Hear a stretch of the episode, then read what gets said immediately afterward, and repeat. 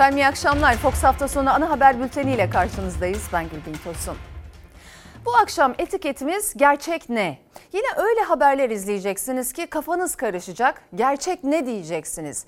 İstanbul Büyükşehir Belediye Başkanı'nın korona kaynaklı sadece İstanbul için açıkladığı vefat sayısı, Sağlık Bakanlığı'nın tüm Türkiye için açıkladığı sayının neredeyse iki katı. Yatak doluluk oranı ile ilgili İstanbul Tabip Odası ve sahadaki uzmanların açıklamalarından anlıyoruz ki gerçek oran bakanlığın açıkladığı oranın yine iki katı ve bu da gerçekten ürküten bir durum. Hastanelerde boş yer bulamıyor vatandaş. Araştırdık aktaracağız. Ekonomiye bakarsanız çarşı pazardaki enflasyonla Türkiye İstatistik Kurumu'nun açıkladığı enflasyon rakamı arasında uçurum var. Gerçek ne diye sormak istedik bu akşam bizde. Sizler de kendi görüşünüzü gerçek ne etiketi altında paylaşabilirsiniz diyelim ve hemen bültende öne çıkan başlıkları aktaralım. Bugün Kuzey Kıbrıs Türk Cumhuriyeti'nin 37. kuruluş yıl dönümü düzenlenen törenlere Cumhurbaşkanı Erdoğan'ın önemli mesajları oldu.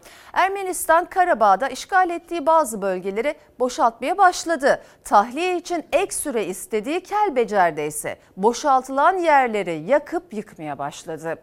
Siyasette Millet İttifakı'nın HDP ile birlikte yeni anayasa çalışması yaptığı iddiası yeniden tartışılıyor. Kılıçdaroğlu ve Akşener iddialara yanıt verdi. Türkiye Bankalar Birliği'nin risk merkezinin Eylül sonu raporuna göre taşıt kredisi başvuruları düştü, ihtiyaç kredisine başvuru arttı ve ihtiyaç kredisinde bir yılda 3 milyon yeni borçlu eklendi. Hepsi ve daha fazlası birazdan ama önce koronavirüs diyoruz. Bültene başlarken aktardım. Koronavirüs salgınında hasta ve ölüm sayıları tartışılıyor. Sağlık Bakanlığı dün ölüm sayısını tüm Türkiye için 92 olarak açıkladı. İstanbul Büyükşehir Belediye Başkanı Ekrem İmamoğlu'na göre ise sadece İstanbul'da koronavirüs nedeniyle dün ölen kişi sayısı 164. İstanbul Tabip Odası'na göre ise Covid-19 nedeniyle hayatını kaybedenlerin sayısı açıklanan rakamdan en az 3 kat daha fazla. Bugün İstanbul'da bize sağlık kurumlarının kendi notuyla bulaşıcı hastalık diye gönderilen vefat sayılarımıza baktığımızda son bir hafta için özellikle konuşuyorum. Türkiye için açıklanan vefat sayısının Türkiye için açıklanan vefat sayısının en az 50 kadar fazlası sadece İstanbul'da var. Bu kadar net. Birkaç saat sonra daha da net bir sayı verdi İmamoğlu. Sadece bir günde İstanbul'da Covid nedeniyle hayatını kaybedenlerin sayısının 164 olduğunu açıkladı. Mezarlıklar Daire Başkanlığımızın bulaşıcı hastalık ölüm sayısı bugün 164 olmuştur.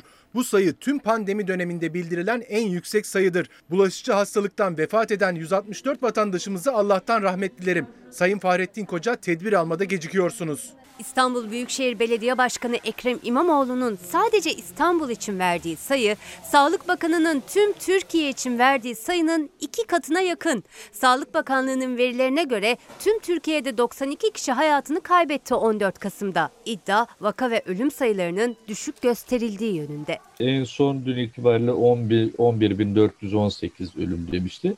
Bunları 3 ile çarpmak gerekiyor gerçek rakamlar için. Yani Türkiye'deki koronaya bağlı ölümlerin 30 bin civarında olduğunu söylemek hiç abartılı bir şey değil, sayı değil. Daha bile yüksek olursa e, bir gün muhtemelen bir gün hepsi ortaya çıkacaktır bunların. Gerçeklerin böyle bir şeyi var bir gün ortaya çıkabiliyorlar.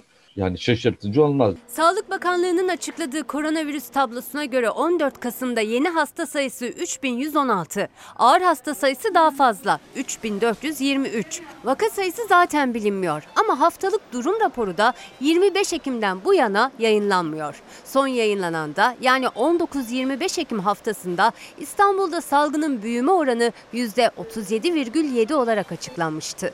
Yani düşünün ki bir Belçika 11 milyonluk bir Belçika'dan bile eğer bizdeki vaka sayısı ya da ölüm sayısı 2-3 kat az ise gerçekten bunu bütün dünyaya insanlık namını öğretelim, anlatalım ya.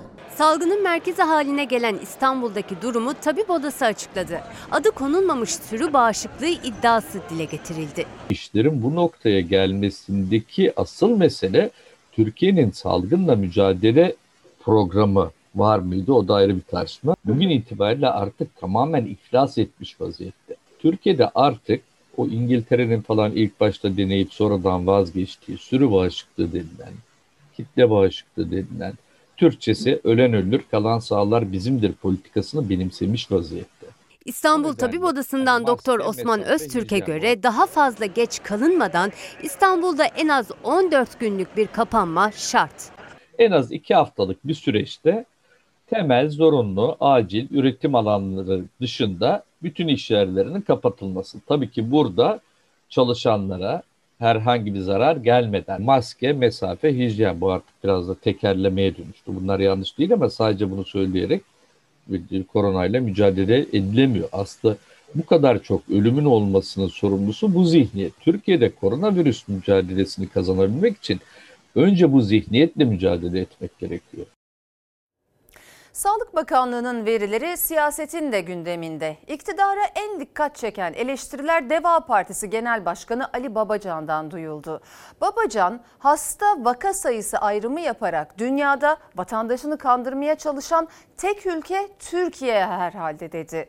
Erdoğan'ın sık sık yaptığı maske mesafe uyarısı da Babacan'ın hedefindeydi. Tek önlem bu olamaz diyerek.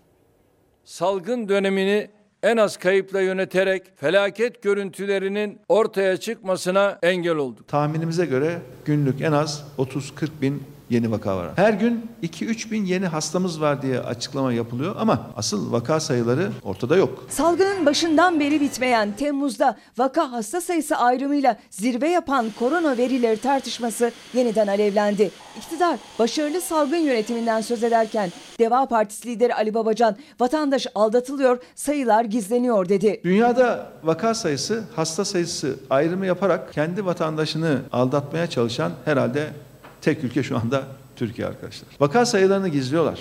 Sadece hasta sayısını açıklıyorlar. Vaka sayısı büyümesin diye testler de öyle kolay yapılmıyor, yaptırılamıyor. Alışkanlık başladı ya TÜİK'ten. TÜİK verileriyle oynayınca vatandaş inandı. Ne desek inanıyor bu millet. Dönelim sağlık tarafında da farklı rakamlar açıklayalım. Artık işlemiyor. Görüyorsunuz Avrupa'dan Amerika'ya kadar dünyanın her yerinde salgınla baş edemeyen ülkeler yeniden içe kapanmaya başladı. Her gün tespit edilen vaka sayısına göre baktığımızda Türkiye dünyada ilk 5'te. İktidar ve Sağlık Bakanı Fahrettin Koca şeffaflık eleştirilerinin hedefinde. Vaka sayısı arttıkça muhalefet de eleştirinin dozunu artırdı. Şayet milletimiz tamam diye ifade ettiğimiz temizlik, maske, mesafe kurallarına riayet ederse bizim bu tür sert tedbirlere ihtiyacımız kalmaz. Koskoca devletin salgına karşı aldığı tek önlem vatandaşına maske tak demek olamaz arkadaşlar. Sağlık altyapımızın gücü sayesinde şimdilik hastanelerimizde ve vakalara müdahalede herhangi bir sıkıntı yaşamıyoruz. Hastanelerde şu anda yer bulunamıyor. İnsanlar uzun kuyruklarda. Yoğun bakım yatağı için uzun bekleme listeleri oluşmuş durumda. Erdoğan salgının kontrolden çıkma olasılığına karşı kurallara uymazsak yükü taşımakta zorlanırız dedi, vatandaşı uyardı. Bu sözlere yanıt Babacan'dan Türk Tabipleri Birliği çıkışıyla geldi. Kurallara uymaz ve kendi sağlığımızı kendimiz korumazsak bu yükü taşımakta zorlanabiliriz. Aylar evvel Türk Tabipler Birliği sayılar eksik söyleniyor dedi. Ölüyoruz dedi doktorlarımız. Ama onlar ne dediler? Klasik, klişe. Kim aykırı bir şey söylese ellerinde bir etiket var. Hazır. Üzerinde hain etiketi pat yapıştırıyorlar. Onların söylediği çok daha doğru devletin resmi açıklamalarından. Muhalefet gerçek tablo toplumdan gizleniyor diyor. Koronada gerçek sayılar ne tartışması büyüyor. Durumun ne kadar ciddi olduğunu hasta yakınları da söylüyor. Hastalar için yoğun bakım ünitelerinde boş yer bulunmuyor. Bir kısmı ise acil servislerde bekletiliyor. Hasta yakınlarının bu iddiasını doktorlar da destekliyor. Boş yatak olmadığı için hasta seçmek zorunda kalıyoruz diyen doktorlar var. Yaklaşık 10 tane özel hastane ve bunun dışında da 5 ya da 6 tane devlet hastanesinden yoğun bakım arayışına girdik ve ne yazık ki hiçbirinde boş bir yoğun bakım yatağı bulamadık. Koronavirüs hastaları boş bir yatak bulabilmek için tüm hastanelerin kapısını çalıyor. En fazla koronavirüs hastasının olduğu İstanbul'da iddiaya göre neredeyse tüm hastanelerin yoğun bakım üniteleri doldu. Durumu ağır olan hastalar boş bir yatak için acil servislerde sıra beklemeye başladı. İstanbul İstanbul'da birçok hastanede aynı manzara var. Burası Atatürk Havalimanı'nın içinde bulunan Murat Dilmener Pandemi Hastanesi hafta sonu pazar günü olmasına rağmen yine hastanenin önünde test kuyruğu var. Ancak asıl sorun hastanelerde yer bulabilmek. Pandemi hastaneleri tamamen dolu şu anda. Gerek devlet hastanelerinde gerek özel hastanelerinde ciddi yatak ve yoğun bakım e, yatağı sıkıntısı var gözüküyor. Özel hastanelerde hastalar e, hastane hastane dolaşıyor gerçekten ve yatacak e, özel hastane yatağı bulmakta çok zorluk çekiyorlar. Devlet hastanelerinde özellikle pandemi hastanelerinin yataklarının tamamen dolu olduğunu, hastaların acillerde bekletildiğini, e, yoğun bakımların tamamen e, dolu olduğunu biliyoruz. O sıkıntıyı yaşayanlardan biri de Ayşen Kuzguncu. 88 yaşındaki %92 oranında engelli anneannesi Zübeyde Aygün koronavirüs hastası. 3 gün önce yüksek ateş ve öksürük şikayetiyle yaptırdığı test sonucu pozitif çıkınca en yakındaki hastaneye kaldırıldı. Durumu ağırdı. Ancak iddiasına göre saatlerce o halde acil serviste bekletildi. Yoğun bakım doktorunun gelip bu hastanın yoğun bakımda tedavi görmesi gerektiğini söyledi. Ve şu anda e, hastanede yoğun bakımın dolu olduğunu, 112 aracılığıyla İstanbul'daki tüm özel ve devlet hastanelerine bilgi verildiğini, ilk boş e, yatak uygun oda bulunduğunda alınacağını söylediler. Zübeyde Aygün için bir gün sonra boş yatak bulunabildi. Yoğun bakıma alınır alınmaz da entübe edildi. Şu anda yer e, bulmak çok ciddi sıkıntı. Hastalar hala devlet hastanelerinde herkes kendine göre imkanlarını kullanarak tanıdık bulmaya çalışıyor. Hala e, tek tük kalan yataklarda yer bulabiliyor. Hastaların yaşadıklarının en yakın tanığı olan doktorlar da aynı durumdan şikayetçi. Yoğun bakım ünitelerinde yer kalmayınca doktorlar hasta seçmek zorunda kaldı. Hayatını kaybedenlerin ya da iyileşip taburcu olanların boşalttığı yataklar durumu en ağır olan hastalara ayrılıyor. 65 yaş üstü ya da kronik rahatsızlığı olan hastalar bile boş yatak olmadığı için evlerine yollanıyor. Ayırıyoruz ama tabii ki önceliği o an için hani şikayeti çok olan, e, işte oksijen düzeyi düşük olanlara vermeye çalışıyoruz ama bir yandan hani ötelediğimiz hasta da evine yolladığımız hasta da e, birden kötüleşebilir. Eve yolladığımız hastaların sağlığı konusunda da çok ciddi endişelerimiz var. E, zaman zaman evden direkt yoğun bakıma gönderdiğimiz hastalar oluyor. Covid-19 salgınında ikinci dalganın önü alınamıyor. Birçok ülkede vaka rekorları kırılırken yeni yasaklar devrede. Covid-19'a karşı geliştirilen aşının mucizi, mucidi Türk bilim insanı herkesin merak ettiği soruya yanıt verdi. Normal hayata dönüşün bir yıl sonra olabileceğini söyledi. İkinci dalgada vaka rekorları üst üste kırıldı. Birçok ülkede yasaklar yeniden başladı. Covid-19 aşısının yaratıcısı Türk Profesör Uğur Şahin konuştu. Normal hayata dönüş için bir sonraki kışı işaret etti. Çin'in Wuhan kentinde geçtiğimiz yılın sonunda ortaya çıkan koronavirüs salgınında ikinci dalga dünyayı sardı. Vaka sayısı 55 milyona dayandı. Hayatını kaybedenlerin sayısı ise 1 milyon 350 bine yaklaştı. Salgının merkezindeki Avrupa'da önlemler artıyor. Sokağa çıkma yasakları yeniden devreye girdi. İngiltere, Fransa ve Almanya'nın yanı sıra diğer ülkelerde düğmeye bastı. Daha önce kısmi yasak uygulayan Avusturya, vaka sayılarını düşüremeyince yeni tedbirleri hayata geçirme kararı aldı. Ülkede 17 Kasım Salı gününden itibaren sokağa çıkma yasağı uygulanacak. Gerekli olmayan tüm dükkanlar kapatılırken okullarda uzaktan eğitime geçilecek. Kısıtlamaların 6 Aralık'ta sona ermesi planlanıyor. Yasaklardan memnun olmayanlar da var. İngiltere ve Almanya'da Covid-19 kısıtlamaları protesto edildi. Göstericilerle polis arasında zaman zaman çatışmalar yaşandı, gözaltına alınanlar oldu. Dünyanın gözü ise iki Türk bilim insanının geliştirdiği Covid-19 aşısında. Aşının mucidi Profesör Doktor Uğur Şahin BBC'ye konuştu. Merakla beklenen soruya yanıt verdi. Türk profesör her şey yolunda giderse aşının dağıtımının yıl sonunda ve gelecek yıl başlarında başlayabileceğini belirtti. Uğur Şahin aşının etkisinin yaz aylarında yoğun şekilde görüleceğini anlattı. Hayatın ancak gelecek kış aylarında normale dönebileceğini söyledi.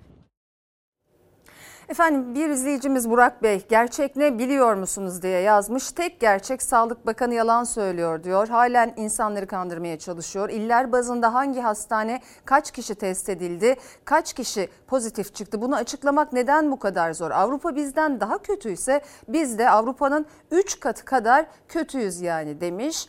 Bir diğer tabii e, izleyicimizin iddiası.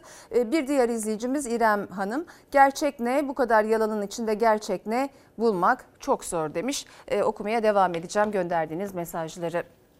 Koronavirüste devam ediyoruz. Devlet hastanelerinde Covid testi yaptırmak isteyenler uzun kuyruklar oluşturuyor. Hasta değilken o uzun bekleyişte hasta olma riski var. Özel hastanelerdeki testi ise birçok kişi karşılayamıyor. Tüketiciler Birliği bazı özel hastanelerin Sağlık Bakanlığı genelgesine aykırı hareket ettiğini, yüksek paralar aldığını söyledi ve bazı hallerde korona testi ücretlerin de iade edilmesi gerektiğini. Bir vatandaşımız bir özel hastaneye pandemi tanısı ve tedavisiyle girmiş ise ve tedavi görmüş ise ondan alınan ücretler yasal değildir. Bir gidiyorsun ya 150 milyon istiyor ya 200 milyon istiyor. İnsanların maddi durumu yok ki. Şartlar da zor artık. Dünyanın parasını alıyorlar özel hastaneler. Koronavirüs şüphesiyle özel hastanelerin kapısını çalanlar testten önce fiyatlandırmayla karşılanıyor. Ama 9 Nisan 2020 tarihinde resmi gazetede yayınlanan genelgede salgın devam ettiği sürece özel hastanelerdeki tanı ve tedavilerden ücret alınmayacağı vurgulanmıştı. Tüketiciler Birliği bir kez daha hatırlattı. Yaptırdım. Ne kadar peki ücret? 940 liralık bir ücret tutuyor. Pandemi için tanıya gittiğinde vatandaş eğer pozitif çıkmışsa bu tanıya giriyor bakın.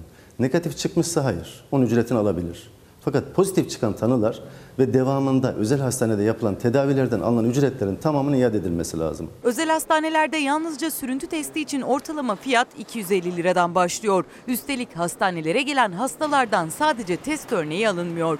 Ek tahliller de talep ediliyor. Her tahlil, her tomografi ise ekstra ücret demek. Çok pahalı şimdi hani onlar da fiyatları yükselttiler şu anda. Hani oraya gidiyorsun bir gitmek için en az 1,5-2 milyar paran gidiyor. Tüketiciler Birliği Genel Başkanı Mahmut Şahin'e göre pozitif hasta tedavi ve tanı parasını özel hastanelerden geri alabilir ama bir takım prosedürleri yerine getirmesi gerekiyor. Kendisinden ücret alınan vatandaşlar öncelikle SGK'nın Sağlık Sosyal Güvenlik Birimine başvurup benden bu şekilde bir ücret alındı.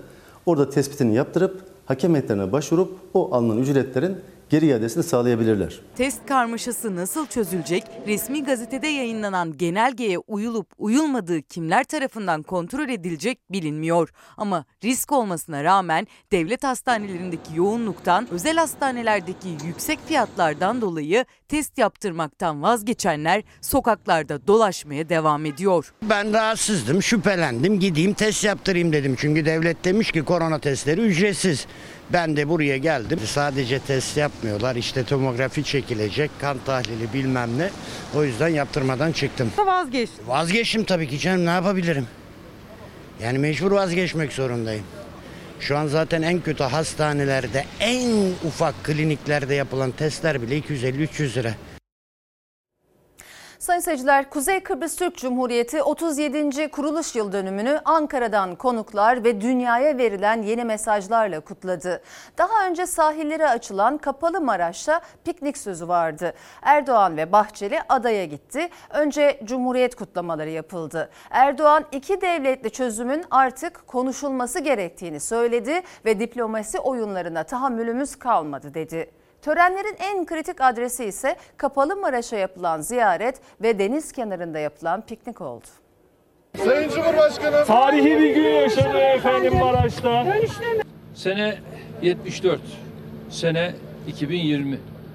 Yıllar yılı düşünün burası böyle kalmış. Buranın gerçek sahipleri aslında bellidir ve şimdi de gerçek sahiplerine burası kavuşacağı günü beklemektedir. 46 yıl sonra açılan hayalet şehir diye bilinen Kapalı Maraş'tan seslendi. Hem Erdoğan hem de KKTC Cumhurbaşkanı Ersin Tatar. Güneydeki komşularımız dediler Maraş üzerinden Kıbrıs'ta çözüm için yeni bir el uzattılar. Güneyde kimler varsa taşınmaz mal komisyonuna müracaat etmek suretiyle buradaki malları neredeyse nasılsa bunların hepsinin bedeli ödenmek suretiyle bir defa buralar sahiplerini bulur. Kapalı Maraş'ta Akdeniz'e nazır kuruldu masalar. Maraş'taki binalar iki ülkenin bayraklarıyla donatıldı. Erdoğan ve Bahçeli Maraş'ta piknik sözünü yağışlı havaya rağmen gerçekleştirdi. Piknik menüsünde et döner, Kuzey Kıbrıs Türk Cumhuriyeti'nin yöresel lezzeti şeftali kebabı yendi. Yine Kıbrıs mutfağına özgü sini katmeri tatlısı da vardı. Şu anda halkı selamlıyorlar. Dünün güneşiyle bugünün çamaşırı kurutulmaz. Bugün Kıbrıs'ta iki ayrı devlet vardır. Egemen eşitlik temelinde iki devletli bir çözümün konuşulması ve müzakere edilmesi gerekiyor. Kuzey Kıbrıs Türk Cumhuriyeti'nin 37. kuruluş yıl dönümünde hem garantör ülke Türkiye hem Kuzey Kıbrıs Türk Cumhuriyeti'nin dünyaya mesajı adada iki devletli çözüm oldu. Rumlar iktidarı ve refahı adanın ortak sahibi Kıbrıs Türkleri ile eşit olarak paylaşmak istemiyor. Hidrokarbon kaynakları konusunda Kıbrıs Türkleri ile masaya oturmaktan sürekli kaçmalarının sebebi de budur. Bizim de Kuzey Kıbrıs Türk Cumhuriyeti'nin de bu diplomasi oyunlarına artık tahammülümüz kalmamıştır. İki devletli çözüm masaya gelmelidir. Ne mutlu Türk'üm diyene. 15 Kasım Kuzey Kıbrıs Türklerinin Cumhuriyet Bayramı. Kıbrıs'ta Türk Cumhuriyeti'nin kuruluş ve ilan edilişinin 37. yıl dönümünde Ankara Kuzey Kıbrıs'a çıkarma yaptı. Önce Devlet Bahçeli Lefkoşa'ya indi. Bir buçuk saat sonra da Cumhurbaşkanı Erdoğan ve heyeti taşıyan uçak. Bir ay önceki seçimlerde iktidarın desteklediği Ersin Tatar artık yeni ev sahibiydi. Kuzey Kıbrıs'ta yaşayıp da kendi Cumhurbaşkanını Güney Kıbrıs'ın başındaki sözde yöneticilere şikayet edenlerle Güney Kıbrıs güç devşireceğini zannediyorsa aldandığını ve aldanacağını bilmelidir. Evet bu sözde paçavralar maalesef kendi cumhurbaşkanını kalkıp da Güney Kıbrıs'ın sözde cumhurbaşkanına şikayet ederse bunun akıbeti nereye varır? Benim sevgili kardeşlerim bunu gayet iyi biliyor. Mustafa Akıncı ile Ersin Tatar arasında geçen gerilimi yüksek Cumhurbaşkanlığı yarışından sonra Erdoğan'ın bu sözleri dikkat çekti. Kuzey Kıbrıs Türk Cumhuriyeti 37. kuruluş yıl dönümü için İstanbul'da da tören düzenlendi bugün. Hem o kuruluş mücadelesini veren gaziler hem de Kuzey Kıbrıslı yöneticiler törende hazır bulundu. Kuzey Kıbrıs Türk Cumhuriyeti İstanbul Başkonsolosu Seniha Birant Çınar hala devam eden ambargoların ve çifte standartın biteceğine inanıyoruz dedi.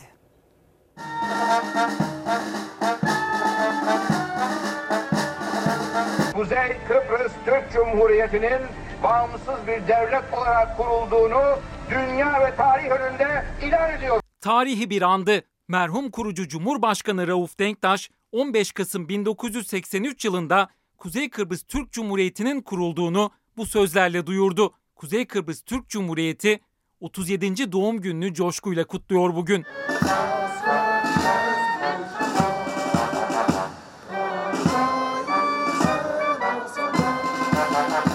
Kuzey Kıbrıs Türk Cumhuriyeti büyük bir mücadelenin ardından kuruldu. O mücadelede en önde yer alanlar, gaziler de duygulu anlar yaşadı. Bizim için anlamı çok büyük. Biz 2. Cumhuriyet Bayramımızı kutluyoruz.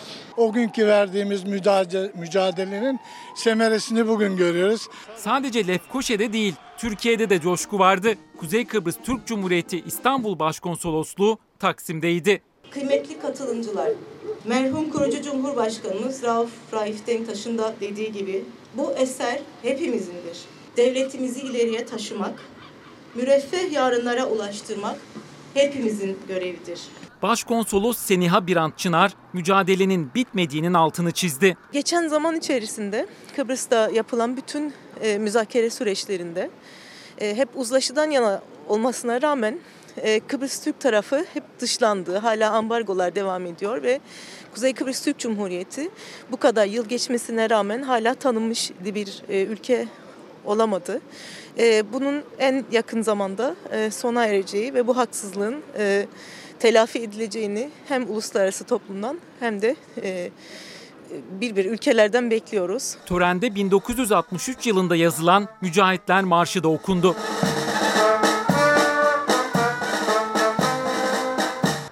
Türk halkı yaşadığı tüm haksızlıklar ve baskılara karşın eşit ve saygın bir biçimde var olma mücadelesini asla terk etmemiştir. Uygulanan bu çifte standart ve adaletsizlik elbette bir gün kendi çabalarımızla sona erecektir. Ve Karabağ diyoruz. Çatışmaları bitiren anlaşmanın ardından gözler Ermenistan'da. Ermenistan ordusu işgal ettiği bazı bölgeleri boşaltmaya başladı. Bu yerlerden biri olan Kelbecer için Erivan yönetimi Azerbaycan'dan ek süre istedi. Bakü talebe olumlu yanıt verirken Ermenistan boşaltılan yerlerdeki ev ve kamu binalarını yakıp yıkmaya başladı. Savaşta hezimete uğrayan Ermenistan, işgal ettiği Dağlık Karabağ'dan çekilirken evleri, kamu binalarını ateşe verdi. Dağlık Karabağ'da silahlar 44 gün sonra sustu. Gözler Rusya arabuluculuğunda imzalanan anlaşma şartlarının uygulanmasında. Paşinyan, ne oldu be? Bu ne oldu Paşinyan? Ermenistan'ın Azerbaycan'a devredeceği yerlerden biri 27 yıldır işgal altında olan Kelbeçer. Ermenistan güçleriyle birlikte ayrılacak sivillerin bölgeyi bugün boşaltması gerekiyordu. Ancak çekilme gerçekleşmedi. Ermenistan yönetimi Moskova aracılığıyla Bakü'den tahliye için ek süre istedi. Azerbaycan talebe olumlu yaklaştı. İklim koşulları ve Kelbecer'den Ermenistan'a giden tek yoldaki yetersiz geçiş kapasitesi nedeniyle Erivan'a 10 gün süre verdi. Ermenistan güçleri ise yıllar önce işgal ettikleri Kelbecer'i enkaz haline getiriyor. Boşaltılan evler, kamu binaları, okullar birbiri ardına yakılıyor. Azerbaycan ordusu karşısında büyük hezimet yaşayan Ermenistan'da tansiyon yüksek. Hedefteki isim Başbakan Nikol Paşinyan. Başkent Erivan'da protesto gösterileri sürerken Ermenistan istihbaratı Paşinyan'a yönelik suikastin son anda önlendiğini duyurdu. Suikast girişimiyle ilgili olarak bazı muhalif parti yöneticileriyle eski istihbarat başkanı gözaltına alındı. Siyasetin son sıcak tartışması CHP ve İyi Parti'nin odağında olduğu Millet İttifakı'nın HDP ile birlikte yeni anayasa çalışması yaptığı iddiası. Partisinden ihraç sürecinde olan Ümit Özdağ'ın iddiasını Akşener yalanlamıştı. Kılıçdaroğlu da hayretle izliyorum böyle bir şey yok sözleriyle kapıyı kapattı. Dört partiyle bir araya gelip efendim oturup e, anayasa taslağı hazırlamamız e, asla söz konusu olmadı. Böyle bir şey yok. Biz ne HDP ile ne Cumhuriyet Halk Partisi ile ne Saadet Partisi ile herhangi bir anayasa çalışması yapmadık. Nokta. Kılıçdaroğlu da Akşener'de üstüne basa basa altını çize çize benzer cümlelerle HDP ile yeni anayasa çalışması yaptıkları iddiasını reddetti noktayı koydu. Israrla söylerim bir partinin mutfağında anayasa hazırlanmaz diye. Böyle bir anayasa çalışması yok. Bu kamuoyunda tartışılıyor. Ben de büyük bir hayretle izliyorum. İyi Parti Genel Başkanı olarak söylüyorum. Hiçbir siyasi oluşum, platform, şahıs, kişi, partiyle herhangi bir anayasa çalışmamız yoktur nokta. Tartışmayı başlatan İyi Partili Ümit Özdağ'ın iddiaları oldu. Partisinden ihraç sürecinde olan Özdağ, Türkiye Sosyal Ekonomik Siyasal Araştırmalar Vakfı'nın 2018'de anayasa ile ilgili bir toplantı düzenlediğini ve o toplantıda CHP, İyi Parti, HDP ve Saadet Partisi'nin ortak anayasa çalışması yaptığını ileri sürdü. O iddiayı bizzat Kılıçdaroğlu yalanladı. O toplantıya işin uzmanları, akademisyenler katıldılar, görüşlerini beyan ettiler. Öyle ortada yok efendim bir anayasa, anayasa yazıldı, dört parti bir araya geldi, anayasa taslağı hazırladı. Böyle bir şey yok. Özdağ iddiasının bir adım öteye de taşımış, Akşener'in talimatıyla İyi Partili iki ismin parti divanından habersiz HDP ile anayasa çalışması için görevlendirildiğini dile getirmişti. O iddiada Akşener'den döndü. Hiçbir arkadaşım bilgim içinde ya da dışında bakın bu kadar geniş söylüyorum genel başkan olarak buna sadece HDP değil bakın Cumhuriyet Halk Partisi, HDP, Saadet Partisi başka var mıydı hatırlamıyorum isnatların arasında bir anayasa çalışması yapmadık. Kılıçdaroğlu ise yeni anayasa için ortak çalışma yok vurgusunu tekrarlayarak eğer olursa dedi İyi Parti'ye adres gösterdi. Eğer biz bir anayasa konusunda bir çalışma yapacaksak önce başvuracağım, kapısını çalacağım parti elbette İyi Parti Sayın Meral Akşener olacaktır. Onun görüşlerini almak olacaktır. Dediğim gibi böyle bir çalışma yok, söz konusu değil ama e, hani bir bardak e, suda fırtına koparmak gibi e, bir çaba var. Ekonomide gözler yeni haftada Merkez Bankası'nın faiz kararında ve acı reçete de olacak. O reçete ortaya çıkmadan önce muhalefetin tepkisi büyüyor. İktidara hatalı yönetimin faturasını vatandaş ödeyemez tepkisi yükselirken CHP de mecliste kamuda israfın ortaya çıkarılması için bir araştırma önergesi verdi. Acı da olsa doğru reçeteleri uygulamaktan kaçınmayacağız. Ne demek bu acı reçete? Yani size keyif çayı, vatandaşa acı reçete mi? Milletimizin sıkacağı diş ağzında kalmadı. Siz kendi dişinizi sıkınız. Yaptığınız bu israfları milletimize anlatmak zorundasınız. Erdoğan ekonomide yeni dönem derken acı reçeteyi de duyurdu. CHP mecliste karşı atağa geçti. Kamuda israfın araştırılması ve önlenmesi için 3 grup başkan vekilinin imzasıyla araştırma komisyonu kurulması önergesi verildi. Millete acı reçete önerirken siz sarayda bir yıl içerisinde yemek için harcadığınız para 1 milyon TL. Saray inşaatınızın giderleri için 10 milyar TL harcamışsınız. Uçaklarınız için 6 milyar TL. Kendi yaşantılarından en ufak bir taviz yok ha. Yanlış yönetiyorlar, ekonomiyi batırıyorlar. Düzeltmek için de vatandaşa diyorlar ki acı reçete hazırlanın. Sizin yaptığınız hataların acı reçetesinin faturasını bu halk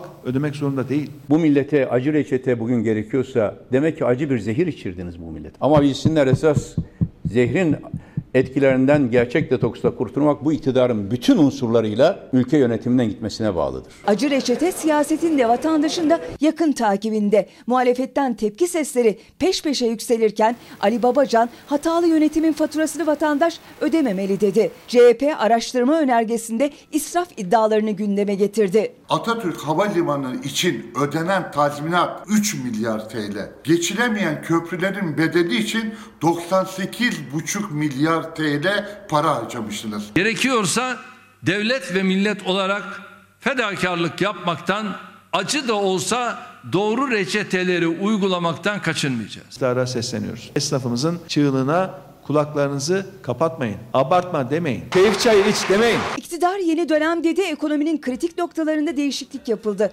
Yatırım çağrılarını hukuk ve demokrasi reformu vaatleri izledi. Ama vatandaşın gözü kulağı yeni hafta ile birlikte netleşmesi beklenen acı reçete de olacak. Sayın seyirciler binlerce kişi engelliler için ayrıca düzenlenen kamu personeli seçme sınavına girdi bugün. Yıllardır iş arayanlar da var iş, içlerinde. En büyük umutları devlet güvencesi altında çalışmak. Çünkü neredeyse başka bir seçenekleri yok.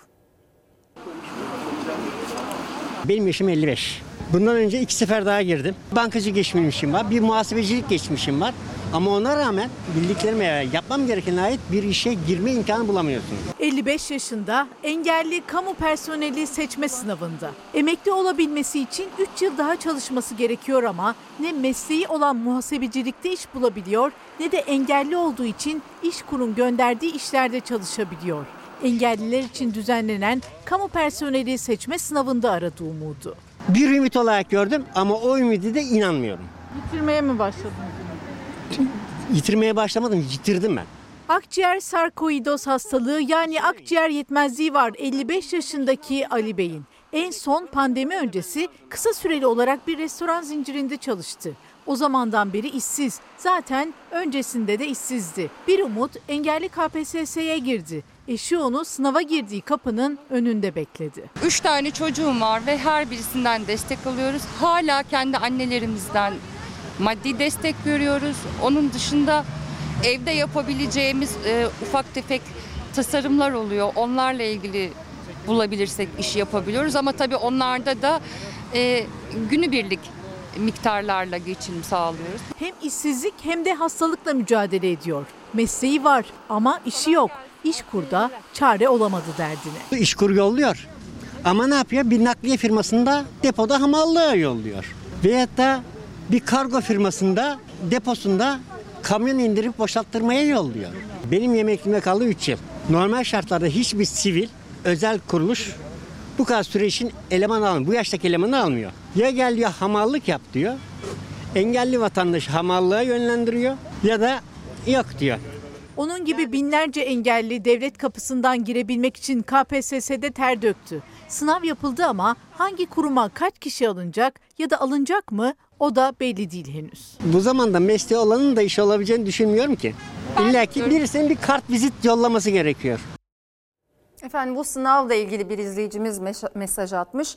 Gerçek ne? Bugün yapılan EKPSS sadece para toplamak için yapıldı ve bu kadar saçmalayıp zorlaştıramazlardı bunu. ÖSYM bir kere daha kanıtladı ve sosyal mesafe sıfır olan salonda sınava girdim. Sıraların iki başında oturuldu. Yani sağım solumda aramda yarım metre mesafe yoktu diyor. Bugün gelen mesajların çoğuysa ekonomiyle ilgili, geçim derdiyle ilgili. Onlardan birisi de şöyle asgari ücretli bir çalışanım.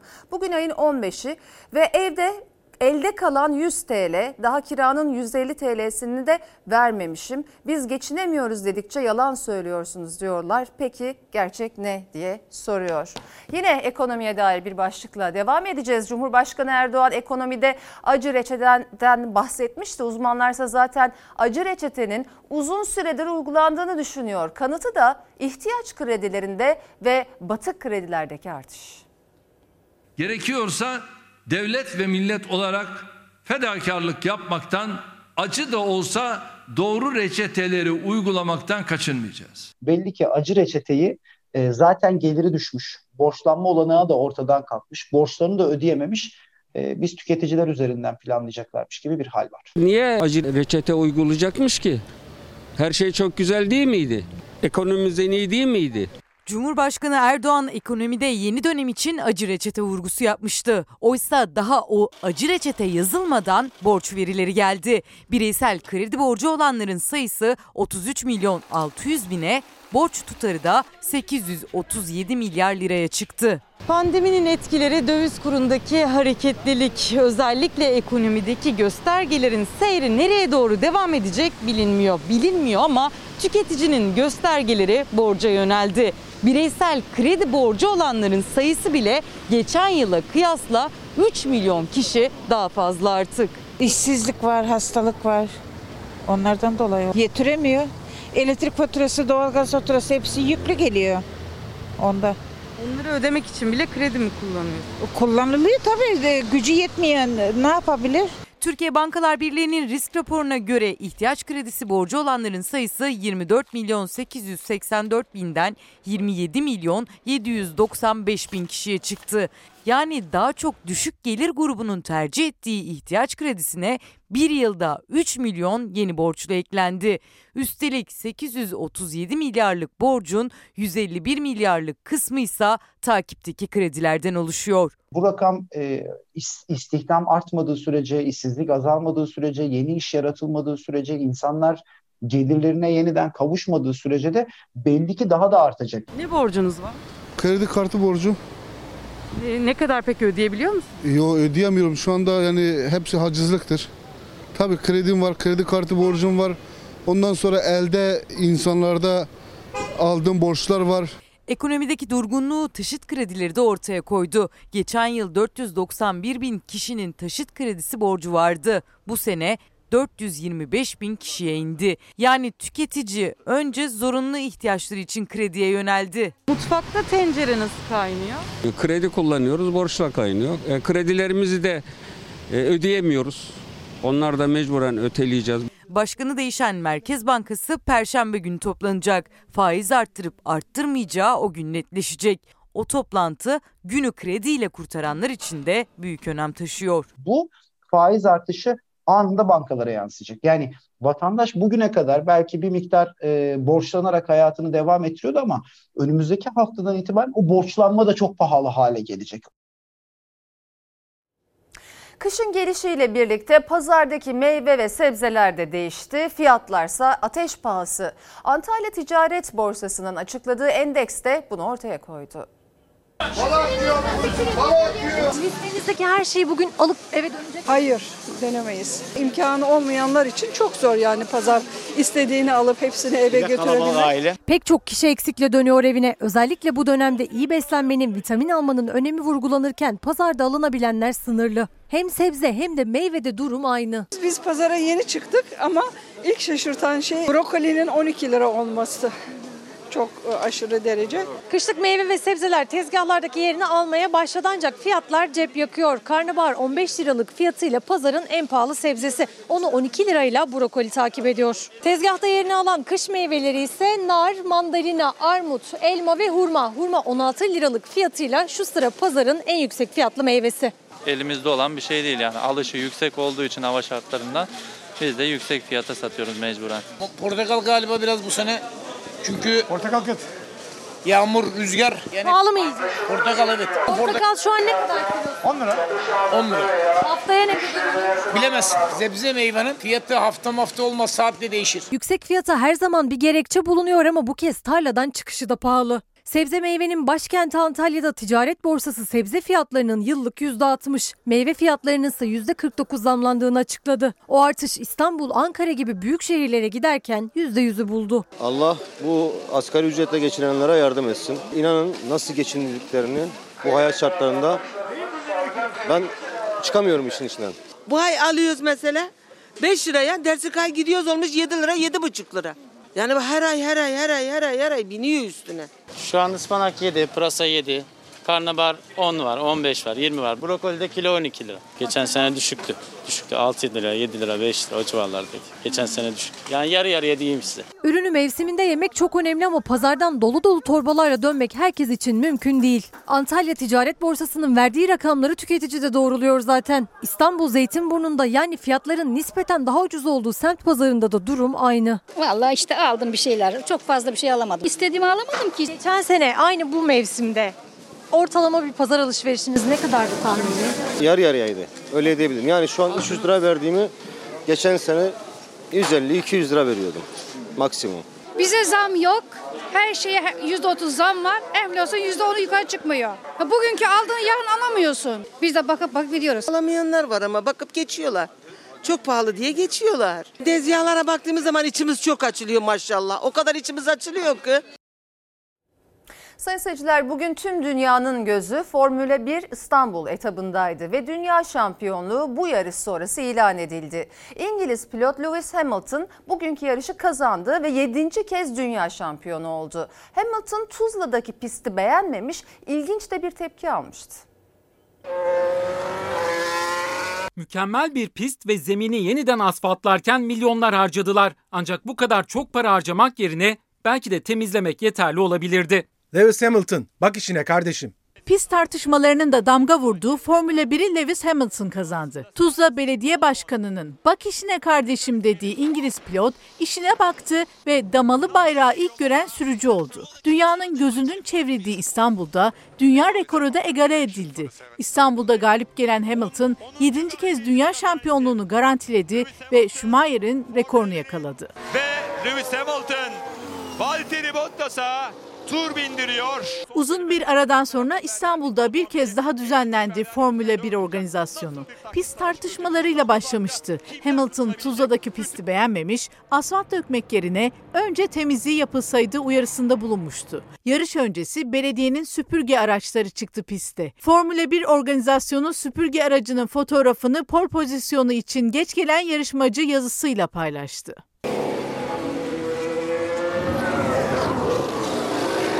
Tuzla Belediye Başkanı Şadi Yazıcı da Formula 1 şampiyonuna süpürge araçlı fotoğrafla ve bak işine kardeşim diyerek seslendi. Tuzla Belediyesi hesabından da Formula 1 organizasyonuna yanıt gecikmedi. Yarıştayım sonra arayayım mı seni?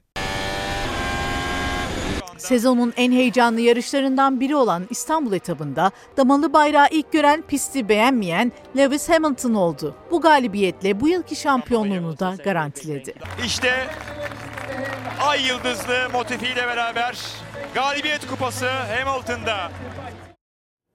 İstanbul Boğazı'nda Çengelköy'de 1670 yılından bugüne yaşayan Vaniköy Camii alevlere teslim oldu.